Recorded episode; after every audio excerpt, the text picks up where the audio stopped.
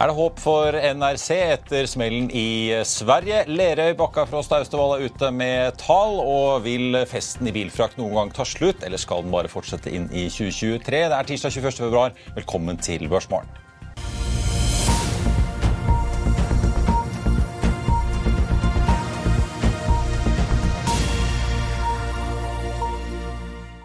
Riktig god morgen alle sammen, og velkommen til oss her i Børsmorgen. Mitt navn er Marius Lorentzen, og med meg har jeg aksjekommentator Karl Johan Målnes.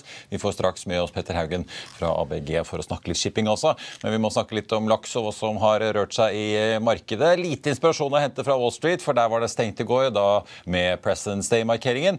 I Asia så endte Nikkei-indeksen ned 0,2% mens vi så Shanghai vake rundt nullpunktet. Hang Seng ser ut til å tikke opp da rundt tre kvart prosent i Nei, unnskyld, som steg 0,7% i går. Ser at til mister rundt det dobbelte i dag, påpeker Nordnetts Roger Berntsen i sin morgenrapport. Han og DNB Markets venter begge da en flat start på Oslo Børs i dag, etter oppgangen på drøye 0,4 i går, som da har løftet oss til en samlet oppgang på 3,84% så langt i år. Futuresene i Europa ned rundt en kvart prosent nå på morgenen. Amerikanske futures i veldig tidlig handel ned rundt 0,4. Nordsjøoljen også litt ned en halv prosent på nordsjøoljen til 83,30 i spotmarkedet. Den amerikanske leteoljen ned 08 til 76 dollar og 80 cent. Vi må begynne med kvartalsrapporten fra NRC Group, jernbane- og infrastrukturselskapet, som altså for ikke så lenge siden varslet får vi si, krise i utviklingen i Sverige. Og der både konsernsjefen og finansdirektøren har tatt styringen operativt på bakken. Er ute med kvartalstallene, altså. De fikk et brutto driftsresultat på 31 millioner kroner i fjerde kvartal, mot 50 på samme tid året før. På forhånd var det også ventet 31, med en omsetning da på 1,95 milliarder kroner. NRC tok jo da en nedskrivning på 370 millioner kroner i den svenske virksomheten som varslet. Venter fortsatt da en positiv finansiell og operasjonell utvikling i 2023, med en liten nedgang i omsetning og noe økte BTA-marginer. Karl Johan, skal vi kaste oss over tallene fra Bakkafrost på Færøyene og Lerøy i vest? La oss begynne med Lerøy. EBIT på 800 millioner mot forventa 913. Så det er ganske... En Skuffelse fra Lerøy der, altså? Nei, ikke, ikke så bra. Og, og også 902 i fjor. Ta ned guidansen på slaktevolum. Er 193 000 fra 203 000, så det er jo 5% Så det er jo og Det var villfangst, lavere marginer og krevende biologiske forhold for Lerøy Midt og, og Lerøy Sjøtroll. Og det er jo stort sett av hele Sør-Norge. Ja. Og, og um, aksjen er allerede prisa på P12 for uh, ja, P11 for neste år. Og, og Movi har jo P12. Altså, den aksjen kommer jo til å falle, så den, jo, den faller jo med 5% på dette. her, og, og, da er den like dyr som uh, Movi er. da. Men en interessant aksje når det gjelder PE her, er jo SalMar, som priser omtrent på linje med Bakkafrost. Og, og Bakkafrost de kom jo med litt skuffende tall. Eh, 376 millioner i eh, actual mot forventa 388. Og ellers opprettholder de guidancen. og de har jo kjøpt seg sjøl inn i problemer med Skottland, der de taper 149 millioner. Så det virker ikke å være lett for noen da, å få, få dreis på det i Skottland. Så selv om du er, er for å være best. Det er de biologiske forholdene betyr alt her, altså. Ja, for Apropos ja, Bakkafrost slipper jo unna den norske skatten, i hvert fall. Da. Men jeg så jo Grieg guidet også litt ned på slaktevolumet ja. i år. Ja. Trend i bransjen? Eh, nei, det, det, altså Bakkafrost sier det at de regner med nullvekst tilbud, på tilbudssiden globalt. Og de er jo veldig flinke med disse presentasjonene der de går gjennom hele verdens tilbudsside til to the benefit of us all. Liksom. Ja, ja. Da har jo eh, Kontali sine rapporter går gjennom det. Og, eh, men de regner med 4 vekst da, i, i, tilbudet globalt i andre halvår. Da. Så et balansert marked. Men, men, ut fra det man ser med Lerøy, så virker det som at det er litt sånn at kundene eh, ja, lavere WAP-marginer. At kundene liksom begynner å, reagere, må begynne å reagere litt på høyere fiskepriser da, når de rapporterer lavere WAP-marginer. Ja. At det, liksom, der er et smertepunkt der også. At det kan ikke bare Det er ikke uendelige på en måte, ja. pris, prisøkninger du kan hente ut i markedet? Men, men, det er klart at det, det Lerøy absolutt ønsker at folk skal gjøre mer av, det er å spise sei.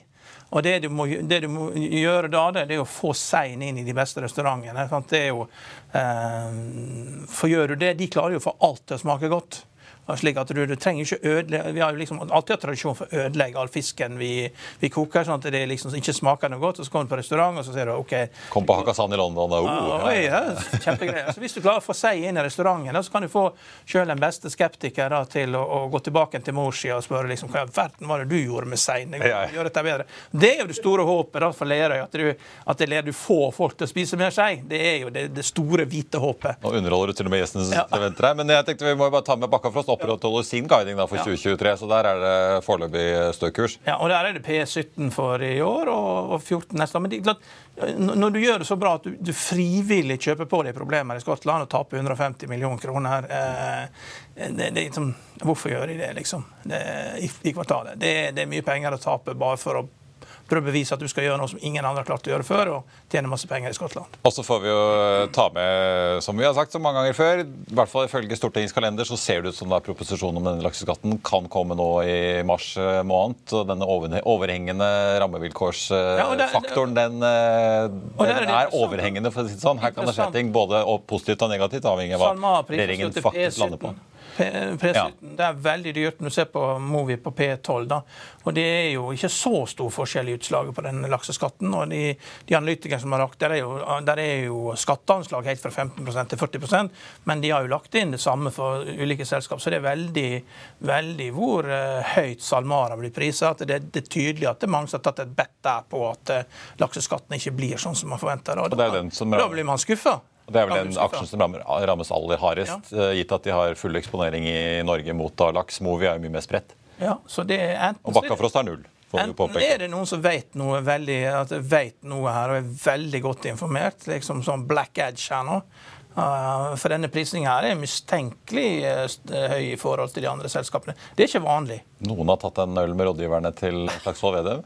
Nei, jeg tror ikke det. Eller jobber i Klassekampen? Ja som forrige gang i hvert fall hadde saken som satte fyr i lakseaksjene. Eh, vi, må, vi, må, ta med litt eh, flere sjømattall. Austevoll er også ute da med sine tall. Storaksjonæren i Lerøy fikk et driftsresultat før verdijusteringer eh, på biologi da på 630 millioner i fjerde kvartal, mot 903 samme, i samme periode året før. Resultat for skatt endte på 471 millioner. Så er det Noram Drilling da, som kom på børs her i fjor høst. Fredriksens riggselskap på land i Texas fikk et driftsresultat på 6,7 millioner dollar i fjerde kvartal. En da økning på 3 millioner fra tredje kvartal. Driftsinntektene endte på 29,5 millioner dollar med et justert resultat, driftsresultat på 11,8 og bunnlinje på 9,3.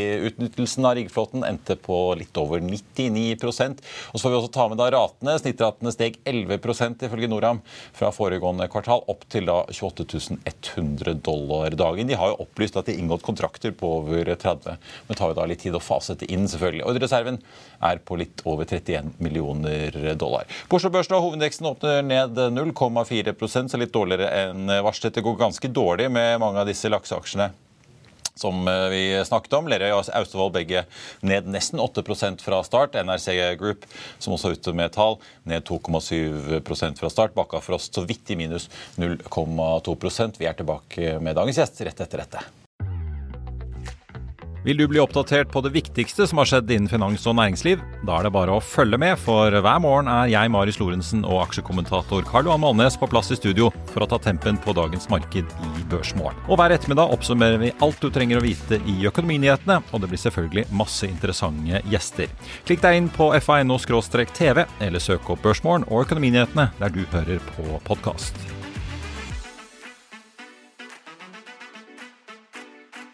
Velkommen tilbake. Vi må kjapt eh, innom Elopak også. Starter opp eh, nesten 7% altså tvert eh, motsatt av Lerøy Østfold. Etter sin kvartalsrapport fra kartongprodusenten fikk et resultat på 16,1 millioner euro i fjerde kvartal. Opp fra 4,6 millioner på samme periode året før, så en god mangedobling der altså. Omsetningen endte på 267 millioner euro, mens da justert resultat endte på 35,9. Styret foreslår et utbytte på 86 øre aksjen for 2020 2022. Elopak skriver at de venter et betydelig inflasjonspress på innsatsfaktorer, og at det vil påvirke BTA-marginen deres i år. DNB Markets eh, skrev følgende i morgenrapporten sin før tallene lå på bordet. Når det gjelder kvartalstallene, venter vi i likhet med konsensus en omsetning på 273 millioner euro og et justert resultat på 33 så får vi si. Så da leverte de litt bedre enn ventet eh, der, altså. Da skal vi snakke shipping, og vi begynner med bil- og kjøretøyfrakt, som har gått som en kule, og der mange utbytter er løftet. Men vil det bare suse videre i 2023, eller er resesjonsfaren rederiene selv følger med på det som kan ødelegge moroa? Velkommen, Petter Haugen i ABG. Takk for det. God morgen. Eh, egentlig skulle du vært her i forrige uke, eh, men vi måtte booke om. Og så var det egentlig ganske god timing, for i går så skrudde du litt opp på kursmålene dine på Varinus, eh, Wilhelmsen og Høg Autoliners. Ja, gjorde det. Er det, er det ingen ende i oppturen for uh, disse bil- og kjøretøyfraktrederiene? Det er jo det som er så synd. Er, det, vi vet jo at det er en ende. Ja. Hvis vi ikke visste at det var en ende. Du vet den er der et eller annet sted, ja, det er bare når. Sted, men ja. du vet ikke når den kommer. Og så er det, men heldigvis da, sånn at du kan jo tjene inn igjen markedcapen din og mer enn det i perioden fram til uh, det går, Smeller, ja. går åt skogen. Men sånn som jeg, litt apropos, jeg lot meg inspirere litt av kvartalsrapporten til Høge Autoliners da jeg skrev uh, introen. For de skriver jo venter et veldig bra 2023. Mm. Mm. Uh, fint lite flåttevekst. vekst. det er jo positivt som regel hvis du sitter der med båter fra før. Ja, ja. Men de følger med på selvfølgelig resesjonsvaren, som kan redusere etterspørselen. Så tittet jeg litt på Caterpillar, som jo er en aktør som driver og sender store maskiner rundt med sånne type båter. De venter litt volumøkning i 2023, men selvfølgelig følger med på aktiviteten. og Ser du liksom noen farer for at uh, her kan ratene komme ned rett og slett fordi at det blir mindre biler og gravemaskiner og gruvemaskiner å frakte? Det er, det er, alltid en fare for det. Uh, det. det. er jo fortsatt sånn at vi uh, er et sted hvor vi på en måte ikke har vært før. Vi har hatt bilsalg som har vært veldig dårlig i mange år fordi vi ikke har klart å produsere biler. Ikke fordi at etterspørselen var lav. Eh, og når vi nå endelig kommer oss ut av semiconductor-krise og andre ja, supply-drevete vanskeligheter, så er det, da, da snur vi eh, bekymringene over på etterspørselssiden. Så eh, jeg tror Det jeg gjorde i går, var egentlig å forsøke å gjøre meg opp en mening om hva Kinas inntreden i det globale bilmarkedet kommer til å, å bety for bilshipping. Og der er det altså 2023 er potensielt et farlig år fra etterspørsel. Jeg tror ikke det, eh, nettopp fordi at det er uh, uansett salgstall som er forholdsvis lave. Så hvis det kommer en ytterligere resesjon her, så, så er det allikevel sånn at du antagelig, hvis du hadde egentlig planer om å kjøpe bil i 2020 eller 2021, og så fikk du ikke Eh, så fikk du ikke tak i det du skulle ha. Så er det jo nå eh, Akkurat på bil så er vel prisene heller ikke så veldig mye nybil. Ny elbil er jo ikke så mye dyrere eh, ennå, i hvert fall, enn hva det var i, i 2020. Uh, andre ting har blitt mye dyrere. Så jeg er ikke så bekymra for etterspørselssiden i 2023. Og som du sa, Marius, det, da jeg tok bil til liksom, topp pick i shippingsektoren i uh, sommeren 2021, så var det fordi at ordreboka var rett over 2 mm. Uh, og det er så enkelt til shipping at hvis tilbudssiden uh, mer eller mindre ikke skal levere vekst på ja, to-tre år, så, så, så, må det noe uforutsett uh, ja, og dårlig stor bråbrems på, ja. på etterspørselssiden. Det kan alltid skje. Det, liksom, det, går ikke an å si at det ikke skal skje. Men jeg tror ikke det skjer i år. Og etterspørselen og tilbudssidevekst i år kommer til å være lav. Men fra og med 2021 så har Kinas inntreden i det markedet her Eh, potensielt eh, strukturelt endret det. eh, på, på, flere års sikt. Det, det, det er svært lave P-tall for alle de tre selskapene. Du dekker bare to av de da, men det liksom, ja. det er tre, fire og fem på Graham Car Carriers, uh, Valenius Wilhelmsen og Høge Autoliners. Ja. Valenius har en market cap på 36 milliarder norske kroner, men de betaler mm. ingen utbytte. Hvorfor betaler de ikke utbytte? Jo da, de betaler utbytte nå. 0,08 ja, Eller de, uh, Valenius betaler rundt 40 for, okay. uh, av, av nettinnkom. Ja. ja. for Høg mer doblet sitt uh, okay. Bare å løfte seg. Ja. Jo, altså, de startet jo med kvartalsmessige okay. utbytter nå i fjor. Så de betaler utbytter nå. De okay. penger, penger okay. ut nå. Så det er Bloomberg, Bloomberg, legger, Bloomberg legger. OK. Men, men altså, du, tar jo kursmålet på Valenius Wilhelmsen opp til 164. Du var jo en 30 kroner lavere nesten for ikke så veldig lenge siden i år. Og høy tar du opp til 115 fra en drøy hundrelapp. Er det, er det noe i kvartalsrapportene som gjør det? Er det utbytte, eller er det liksom inntjeningsestimatene som bare er opp? Ja, vel, altså, eh, Det jeg som sagt forsøkte å gjøre nå, var å Nå er ordreboka over 20 av flåten, så nå må man bestemme seg. Enten så er vi allerede der at vi har bestilt for mye skip, og så vet vi allerede nå at nå, det, det kommer til å si bråstopp en eller annen gang i 2024-2025. Eller så er det en etterspørselsendring som kommer til å være vedvarende. Og jeg tror det er det siste. Eh, kinesisk elbildominans er en av årsakene. Men når du ser inn i kinesiske eksporttall, som altså da kinesisk bileksport har vokst 80 eh, to år på rad i snitt. Eh, Kina var en nobody i bileksportmarkedet fram til 2021.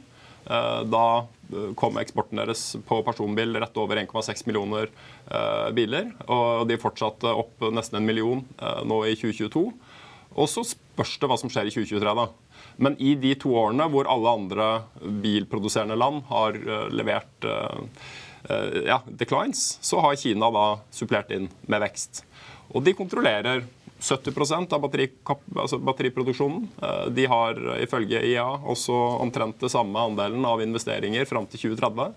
Så Kinas dominans i elbil, den kan jo utfordres. Altså Inflation Reduction Act og også europeiske initiativer kan jo eh, endre på det antagelig også før 2030.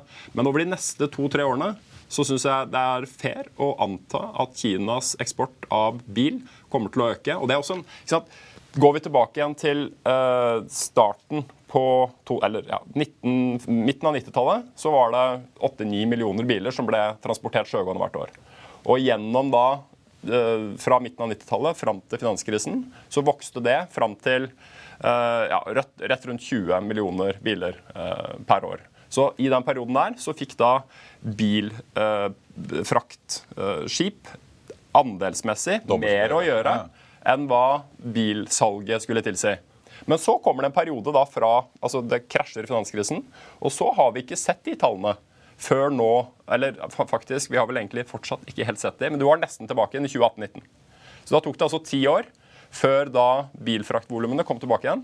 Men bilproduksjonen i verden vokser jo voldsomt i perioden. Fordi Kina produserer bil til egen befolkning. Kina er by far den største bilprodusenten i verden. Produserer 6-27 millioner biler nå i 2022. Um, Og vi så jo Berkshire Hathaway, altså Warren Buffett og Charlie Mugger. De har jo satset uh, Byd er jo Det har de ikke gjort nå. altså Men- men- Build nei, nei, men har de satt pengene sine i. Byd har jo ikke, uh, har jo ikke ennå begynt, eh, begynt å eksportere. Men de er jo verdens største elbilprodusent i Ja, de sender bil hit, da. Uh, i, ja, ja, ja. ja. Men, men de har jo ikke endelig nå, De har ikke kommet i gang med eksporten sin uh, før nå i 2021-2022. og eh, det, er, liksom, det er spørsmålet i bilfrakt nå. Kommer Kina til å levere elbil til Europa og billig, vanlig eh, internal combustion engine car til resten av emerging markets? Eh, Er svaret på det ja, så er ordreboka for liten. Hvis svaret på det er nei, så er ordreboka for stor. Er det fortsatt også sånn at det er cutoff på 15 år på bilskip på for å frakte nye biler, eh, eller er det endra på? Hva Altså det var sånn mm, Du fikk ikke lov til å bruke bilfrakteskip som var eldre enn 15 år til å frakte nye biler. Det, det var det til et visst tidspunkt, men det, det høres ikke ut som at det gjelder fortsatt. Nei, du, Det har jeg faktisk aldri hørt om engang, Karl. Men eh, nei. Nå begynner jeg å bli gammel her. Nå har jeg egen gate. Jeg har jo ikke egen gate oppkalt sånn som det du har. Oi, oi, oi. Men, eh, eller, altså, jeg lurte på, så, så- men på disse to, da, er det noe forskjell i eksponeringen? litt apropos det du sier da? For jeg vet jo, Gram er jo veldig åpen på at de satser veldig mye på lange kontrakter for å sikre seg eh, at Ja. ikke plutselig spotmarkedet, at gul- bunnen faller ut av spotmarkedet. Er det noen forskjell i, i hvordan Høeg og, og Vardens Wilhelmsen har satsa opp med tanke på den eksponeringen sin mot sport versus lengre kontrakter? Definitivt. Uh, Wilhelmsen har i nesten ingen grad spot-eksponering nå. Uh, Høg Outliners har omtrent en I'll see you in court. Vi sier det ofte litt på spøk, men for deg som driver business, er det aldri moro å innse at du ikke har laget en 100% gyldig kontrakt. Du bør ikke risikere hele firmaet ditt fordi du synes dette med kontrakter er litt stress. En avtale er ikke en avtale. Du kan miste kunder, miste venner, ja, til og med miste inntekter om du ikke lager en skikkelig kontrakt, på alt mulig, egentlig. Men vi vet det er et styr. Kopimaskiner, tregprinter og haugevis av papir. Dessuten stoler vi jo på folk her i landet. Det er ofte litt kleint å skulle be om en signatur for alt mulig, ja, for mye av styret handler også om jakten på underskriften. Det finnes en enkel måte å løse dette på, Dukkobit, en trygg, effektiv og get this, gratis måte å sikre seg en god natts søvn pluss en juridisk bindende avtale. Dukkobit-appen har de strengeste sikkerhetskrav i bunn, samt en EU-godkjent og sertifisert teknologi. Framover vil det bli behagelig å spørre du, skal vi skrive under på det, eller? Kom i gang på dukkobit.no. del av kapasiteten sin i det som er ja, innenfor ett år lange eh, kontrakter. Som vi, vi kollektivt refererer til som spot. Så eh, Gram er vel kanskje nå, Jeg dekker ikke Gram, men så vidt jeg kunne se fra de siste kvartalssalene, så har jo de for så vidt da mindre kall det spot-eksponering i betydningen åpen eksponering det neste året enn hva f.eks. Auto har. da. Så det, det andre spørsmålet i 2023 er jo hva, hva kan spot-raten gjøre? Eh, vi så jo det i containerfrakt gjennom 2021 og da for så vidt på motsatt side i 2022. Eh, da gikk spotratene tigangen. I bil så har de kanskje gått tre-fire gangen. Eh, men du vet ikke helt, fordi det er nesten ingen transparens på spot-ratesiden i, bilfrakt. Men det er klart at hvis de og det tror jeg ikke er veldig sannsynlig. Hvis, de fortsetter å, å stige herfra, så er Hauto ganske åpenbart. Ja, for da er Høg liksom de som tar mest av på det. ja. Det, det er ganske opplagt. Um, men det tror jeg nok er Fordi, ja, som vi skrev i 2021, så, så var jo da det veldig eh, sterke containermarkedet en positiv for bilfrakt. fordi det er, det er noe volum som kan flytte seg fra container over på bil, og nå da nødvendigvis motsatt vei. Og nå kommer vi til å se breakball cargo, som vi kaller det, flytte fra container over til bil igjen. Så det er en negativ etterspørselskomponent uh, for bilfrakt at containerfrakt igjen er kommet ned til normalnivåer. da. Ja, for der er det også øh, kjøpsomfang på Møller Mersk. Ja, øh, har kjøpt på- Som mange har fulgt spennende med på, nettopp fordi man har visst at det kommer inn så mange containerskip i verdensflåten. Ja, nei, og der eh, Men der, der er det Ja, det er et helt annet case, men Ja. i, i Møllermarsk så har du eh, Du har så mye cash, eh, og eh, spørsmålet er egentlig hva de kommer til å gjøre med den. Det er Danmark-Equinor, på en måte. Ja. Så det er, så det, det er veldig billig. Det er veldig billig, og hvis ikke Mersk går ut og øh, bestiller skip som taper penger, så syns jeg det er veldig vanskelig å argumentere for at det er en short herfra. Um, det sagt, jeg er nesten helt sikker på at containermarkedet kommer til å være strukturelt oversupplied i flere år. Fra og med egentlig, altså, Nå kommer jo etterspørselen ned type 10% Så det er en veldig vanlig analogi da, Marius, de gjør uh, Byside nå. Uh, container mot bil. Containerraten gikk bananas i 2021, kom ned som en stein i 2022. Uh, bil legger et år. Det er den enkle analogien. Men det som er en veldig stor forskjell, er jo nettopp at i container så var det jo eh, amerikanske og europeiske subsidier som ble brukt på, på kinesiskproduserte hagemøbler og stisykler. Som dro Så det ble kaos i Los. Angeles ikke sant? når alle skulle seile inn. Ja, ja. Og, og, og, og, og da, eh, når den etterspørselen da faller vekk sant, Vi handla jo alle hagemøblene vi trenger for 2024-2025 også. Så det blir ikke så voldsomt med vekst på, på containervolumer. Um, og det er ingen strukturelt liksom, underliggende uh, positiv trend der. Men det er det potensielt på bil. På bilfrakt så, så er det, tror jeg, uh, en større andel av verdens bilsalg som transporteres før det ble solgt i 2024-2025, enn hva det var i 2020-2021. ja. Men eh, Det heteste segmentet der ute er jo produkttank. Så hvis du kan velge mellom produkttank og bilfrakt, hva velger du da? Nei, Vi trenger ikke velge, vet du. Vi kan, vi kan, eh, vi kan eh, forsyne Kjøpe begge to. Bringebær eller sjokoladeis? Ja. Mm. Nei, da spiser jeg spiser alt ris eh, hvis jeg har problemer med å velge. Men det er jo, jeg synes det er interessant. Stellantis-sjefen i dette store bilkonsernet, og for så vidt også Renault, jeg har sett uh, sjefen der, sier jo litt det samme som du sier. De ser på, ser på IRA i USA, det- der kommer det til å gå som en kule. De bygger masse bilfabrikker. I Europa her kommer bare kineserne og tar oss. Ja. Med enorme volumer som bare skal skipes inn. Så er det sånn ikke sant, I Volkswagen så har de halvparten av salgsinntektene sine i Kina. La du merke til at Så BMW skulle bygge i Mexico, den nye fabrikken? Ja, men da er du innenfor eh, NAFTA, vet du. Det er derfor det heter Inflation Reduction Act. Det skal ikke bygges i USA, det skal bygges i Mexico og Canada. Audi er også fabrikk i Mexico. Ja, da. Og det, det, men det der, det der er jo på en måte, og har vært alltid et eh, hva skal vi si, stort problem. Ja. Eh, Kommer vi til å produsere bil og så transportere den dit den skal konsumeres, eller skal vi da bygge fabrikkene nærmere der hvor Ja. de uh, Og der, der er jo ikke fraktelementet på langt nær så viktig som tollsatser. Tollsatsene er jo eh, det som driver og liksom, politikk, det som driver plasseringen av de bilfabrikkene, mer enn om det koster 500 eller 1000 dollar per bil å frakte fra, fra Kina. Petter, du har kjøpt på alle eh, sektorene. Har ikke det, Karla? Har ikke det lenger. Unntatt, unntatt LNG. Ja. Unntatt. LNG. Ja. Ja. Så det du sier det at alt er likt. Stay cool alt cool. er kjøpt. De kjøper alt, Alt, unntatt alt, LNG. alt er ikke likt, det er ikke det jeg sier. Nei, nei. Men uh, det, er mye, det er mye god is i Ja. iskremdisken nå, da, ikke sant? Men Hva er det som gjør at du er litt kjølig på LNG? da? Det er jo et veldig morsomt ordspill. Men, eh, for det er- ser jo ikke ut til at i hvert fall Europa trenger noe mindre LNG-import i år Nei, nettopp. med det første. Nettopp. Ja. Nei, nei det, er, det er faktisk akkurat det. Fordi uh, i LNG-markedet, og det som skjedde i 2022, var at uh, alle andre egentlig destinasjoner uh, for LNG-import måtte oppgi de i, i favør av Europa, som tok ja, ikke 55 mer enn hva de gjorde i 2021.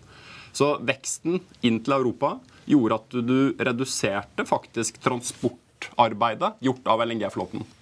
Så selv om volum, altså i 2022 sammenlignet med 2021 var opp 4-5 så var tonnmilene generert av, den, av de volumene eh, 4% ca. lavere. Så i min analyse da, i 2021 så sto det at etterspørselen skulle vokse med 4-5-6 um, Og det skulle jo da uh, Ja, og så ser du på tilbudssideveksten, som da var lavere. Og så ble det en bedre utnyttelse av flåten i 2023, uh, nei, i 2022 enn i 2021. Og så skjer det motsatte.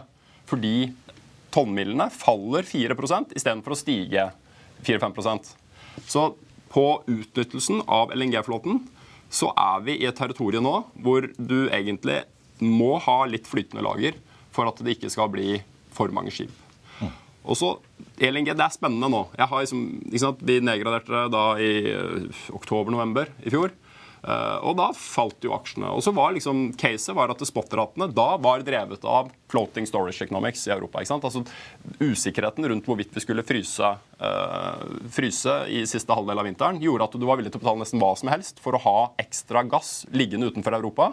Just in case. Uh, just in case. Yeah. Og det kosta deg da på de store LNG-tankerne så kostet det nesten en halv million dollar per dag. Ikke? Det er en, en rate som vanligvis over tid kanskje snitter 70 000-80 000. Eh, så var den da ja, fire-fem ganger så høy. Um, og det var jeg ganske sikker på at skulle falle. Og det skjedde jo faktisk. Så eh, som LNG-aksjene Nå er ja, det er litt forskjeller her, men, men eksempelvis kull, som vi nedgraderte uh, i den rapporten, den falt jo da fra ja, 150-ish, uh, noe sånt, uh, ned til Den var jo neppe på 100 kroner ish eh, nå for noen uker siden, og så har den kommet opp igjen nå. Eh, og Det er delvis fordi at eh, nå virker spotteratene til å ha bunna ut på et høyere nivå enn det jeg kanskje også frykta.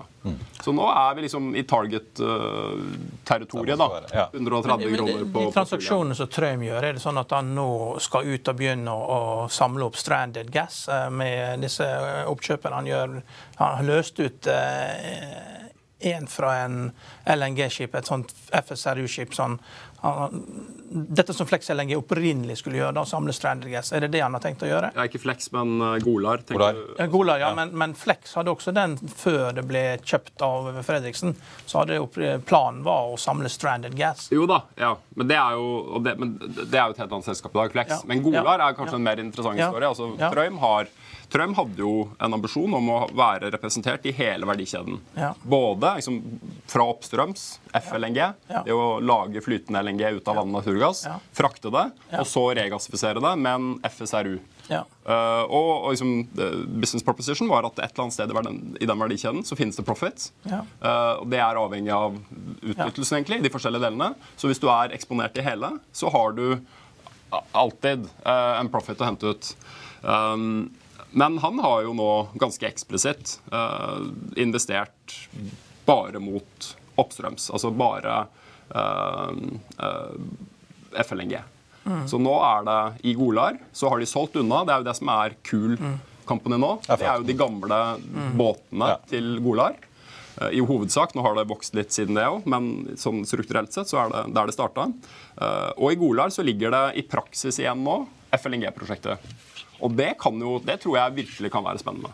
Ja. Så produksjonen av eh, fra naturgass til LNG. Ja. Ja, det å gjøre naturgassen flytende. Eh, For der er det altså Den kontrakten som nå kommer til å starte neste år med BP, varer i 20 år. Det er jo da, det vi refererer til som en tolling peak-kontrakt, som er eh, fast pris hvert år, eskalasjon på kostnader. Du vet hva EBD er. Eh, Men jeg tror det Golar har mer lyst til å gjøre nå, som de har vært ganske tydelige på i kvartalspresentasjoner og ja, over de siste kvartalene, eh, er å finne integrerte prosjekter. Altså i praksis at de altså, eh, essensielt eier gass, kjøler den ned og selger den der som markedet betaler best. Og hvis du får til det, altså de I sine regneark så opererer de med en, med en kjøpspris da mellom 1 og 3 dollar per MBTU. Eh, og ikke sant, nå I 2022 så gikk jo prisene altså i Europa Det var vel det pika vel på var det rundt 90 dollar per MBT? 70-90, ja. 90 var det vel. Litt avhengig av hvilke kontrakter du ser på. Eh, Så hvis du kan kjøpe noe for ja, 1 og selv for 90, så, så kan du betale tilbake en sånn, eh, en, en, en sånn, sånn 2 milliarder dollar-sak i løpet av eh, ja, egentlig et år. Ja, det var jo noe som nesten det gjorde det på konseptet der sånn, det det er synes jeg, verdt å bruke litt tid på å prøve å forstå. Og, og så kommer det unektelig til å være masse risiko knytta til det. Altså vi, før vi begynte her nå, så snakka vi litt om, eh, om det å produsere olje i, eh, ja, i Brasil og andre steder. Det er, det er ikke samme, eh, samme regulatoriske regime som i Norge. Eh, og det samme problemet kommer du nok til å delvis ha i, i Golar framover. Ja, gamle, gamle Flekseng fikk jo aldri tilgang på gass. Altså, oljeselskapet nekta jo de tilgang til gass. Ja. Det måtte jo de strekke rørledninger 30 mil inn på land eh, i Guyana, liksom. Eh, nede mellom Singapore og Australia. Og det er langt. Det er bare å, Man trenger ikke å dra lenger enn å ut på kontoret til Aker på Fornebu og spørre de som jobber med Ghana. Nei. Det er Lettere sagt enn gjort. Petter Haugen i ABG, tusen takk for at du eh, kom innom. Så får vi ha tørrlasten til eh, gode til en annen gang. Vi må snakke litt om Brasil, nemlig. Vi skal ha en kort reklamepause. Vi er tilbake rett etter dette. Du hører på Klokkelandslaget, en podkast fra Finansavisen i samarbeid med tidssonen.no. Og ja, du gjettet riktig, dette er en podkast om klokker. Vi står her med en av de nyere nå. Hvis man har fulgt utviklingen fra de første Astron-klokkene Og så har du en sånn sånn Starburst-aktig skive. Men ikke bare om klokkene. Vi skal snakke liksom om tingene som skjer rundt. Øh, folkene. Men jeg ønsket meg klokke i konfirmasjonsgave. Alle kompisene fikk det. Jeg fikk det ikke. Jeg fikk gullmansjettknapper. Jeg er dritsur på foreldrene mine. Nyhetene, øh, historiene, merkene. Hva som er interessant i klokkeverden, rett og slett. Velkommen tilbake, Karl Johan. Det ser ut som det blir en ordentlig sur dag for disse Du snakket jo om seien, holdt jeg på å si. Lerøy Austevoll eh, Lerøy ned 5,4% Austevoll ned litt over eh, 7 i dag. Bakkafrost faktisk opp litt grann, eh, nå. Åpenbart eh, markedet er skuffet over tallene fra Lerøy, som du jo sa var dårligere enn ventet. Ja, men jeg tror de er skuffa sjøl også. Så det, ja.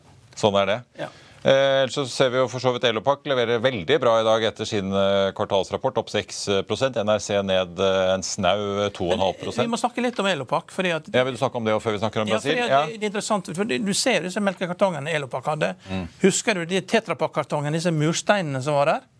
Husker du disse firkantede Helt firkantede Ja, ja, før det fikk ja. Ja, ja. Og da, og da ja. jeg husker Elopak brukte å si det at eh, jo, det er, eh, det, Tetrapak er bra for distribusjon, men skal du ta vare på kvaliteten på varen, Ja. så må det ha våre kartonger. Oi, oi, oi. Og Elopak har jo vunnet. da, Det er Elopak-teknologien som har slått eh, Tetrapak-teknologien. Så kvalitet slo distribusjon. Ja, det er bra, det. Ja. Så, eh, jeg glemte å nevne da, Forrige utbytte på, var på 0,75 da på Elopak. Nå blir det altså 0,86. Men skal vi snakke litt om eh, sikkerhet? For der kan det jo faktisk skje ting i dag. Egentlig skulle den aksjen på børs i går. Eh, så har de signalisert, eh, i hvert fall på tampen av forrige uke da de kuttet prisen, at det skulle skje nå på torsdag. Tegningsfristen skal vel gå ut i dag, strengt tatt? Ja. Nei, det er fortsatt eh, For hver dag som går, så får vi flere spørsmål enn svar. Så det, det er jo ikke en god ting, det.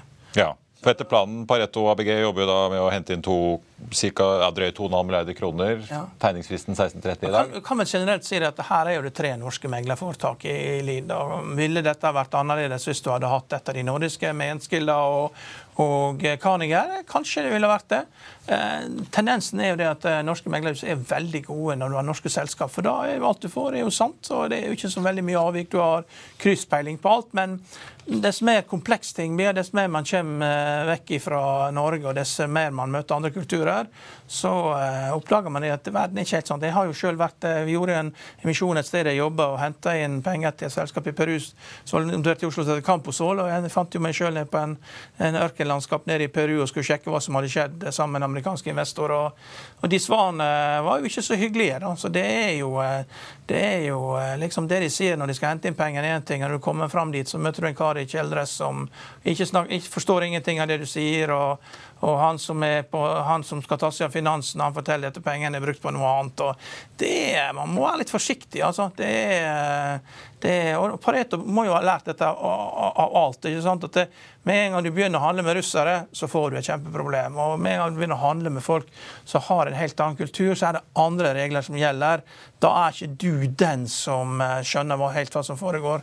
Man må være veldig forsiktig. Ja, eh, vi hadde jo, Saken i går var jo, ene var jo CV-en til da um, en av direktørene som vi hadde besøk av, Scott Gatkin, som eh, vi skrev om i avisen i eh, går. Men kollegaer av oss tok jo også ringerunder ut på byen til eh, ulike forvaltere. Inkludert av DNB. Ingen av fondene der har tegnet seg. Leif Eriksrød i Alfred Berg. Han sa tok ikke lang tid før vi kastet den i bøtta. Ganske krasse ord, egentlig. Ja. Nei, det... Erik Sneve-investoren hadde også fått tilbud, hadde ikke tegnet seg ennå. Det er lite å gjøre uh, der ute, men noen ganger er det likevel rett å la være å gjøre ting. Uh, hvis at det, for dette her er en deal som kan ødelegge et meglerforetak uh, hvis at det blir helt feil. Hvis du har med folk å gjøre som ikke har fortalt hele sannheten. Og noen av analytikerne her har helt klart ikke fått vite alt de burde ha fått vite. For det er jo andre selskaper ja. på bakken i Brasil ja. som er noterte der nede, som driver med dette, altså driver med oljevirksomhet på land, som det Sikkerhets Petroleum skal gjøre. Så det er jo ikke sånn at dette er noe helt nytt og superrisikabelt. Man har jo andre å sammenligne med som man kan se på som driver med dette her. Hva de har betalt for, for, til Petrobras for å kjøpe seg inn, hva de produserer, hvor mye det koster å produsere.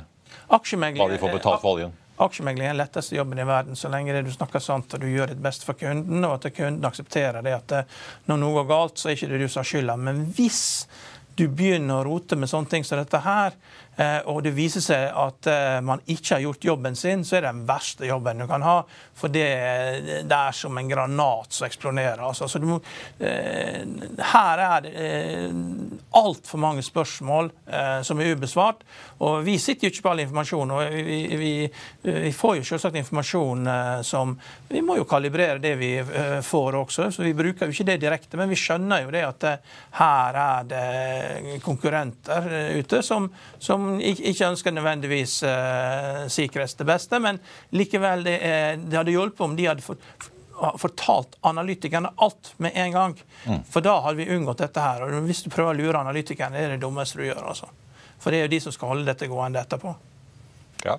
Vi får uh, se hvordan uh, det går. Vi venter i hvert fall spent på meldinger fra Sikkerhetspetroleo får vi ta. Takk skal du ha, Karl Johan. På tampen tenkte jeg bare å nevne Frontline, som er oppe et par prosent i dag til nesten 179 kroner i aksjen. Jeffreys jekker opp kursmålet sitt fra da 17 til 22 dollar og gjentar sin kjøpsanbefaling. Gitt at nå ligger på ja, 179 nesten, da, så er vi jo da på en 17 dollar omtrent. Så da mener Jeffers åpenbart at det er litt å gå på til over 200 kroner aksjen. Ellers får vi jo ta med hovedindeksen Porsche Børs har hentet seg litt inn fra den litt uh, sure starten vi så. Ligger nå ned 0,2% Oljeprisen ned en snau halv prosent til 83,40 på Nordsjøoljen.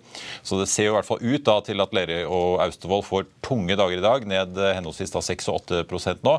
Bakkafrost også ute med tall i dag, opp 2,4. NRC ned 2,4.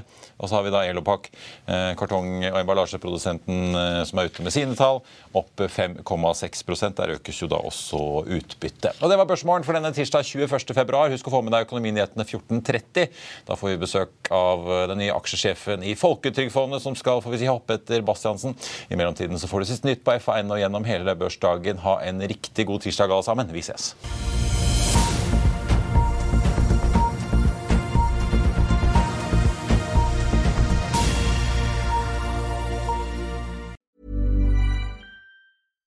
When you make decisions for your company, you look for the no brainers. And if you have a lot of mailing to do, stamps.com is the ultimate no brainer. It streamlines your processes to make your business more efficient, which makes you less busy. Mail checks, invoices, legal documents, and everything you need to keep your business running with stamps.com. Seamlessly connect with every major marketplace and shopping cart. Schedule package pickups and see your cheapest and fastest shipping options from different carriers. With rates up to 89% off USPS and UPS rates. And with the Stamps.com mobile app, you can take care of mailing and shipping wherever you are. Make the same no brainer decision as over 1 million other businesses with Stamps.com. Sign up with Code PROGRAM for a four week trial, plus free postage and a free digital scale. No long term commitments or contracts. That's Stamps.com. Code PROGRAM. Økonominyhetene er en podkast fra Finansavisen. Programledere er Marius Lorentzen, Stein Ove Haugen og Benedikte Storm Bamvik. Produsenter er Lars Brenden Skram og Bashar Johar. Og ansvarlig redaktør er Trygve Hegnar.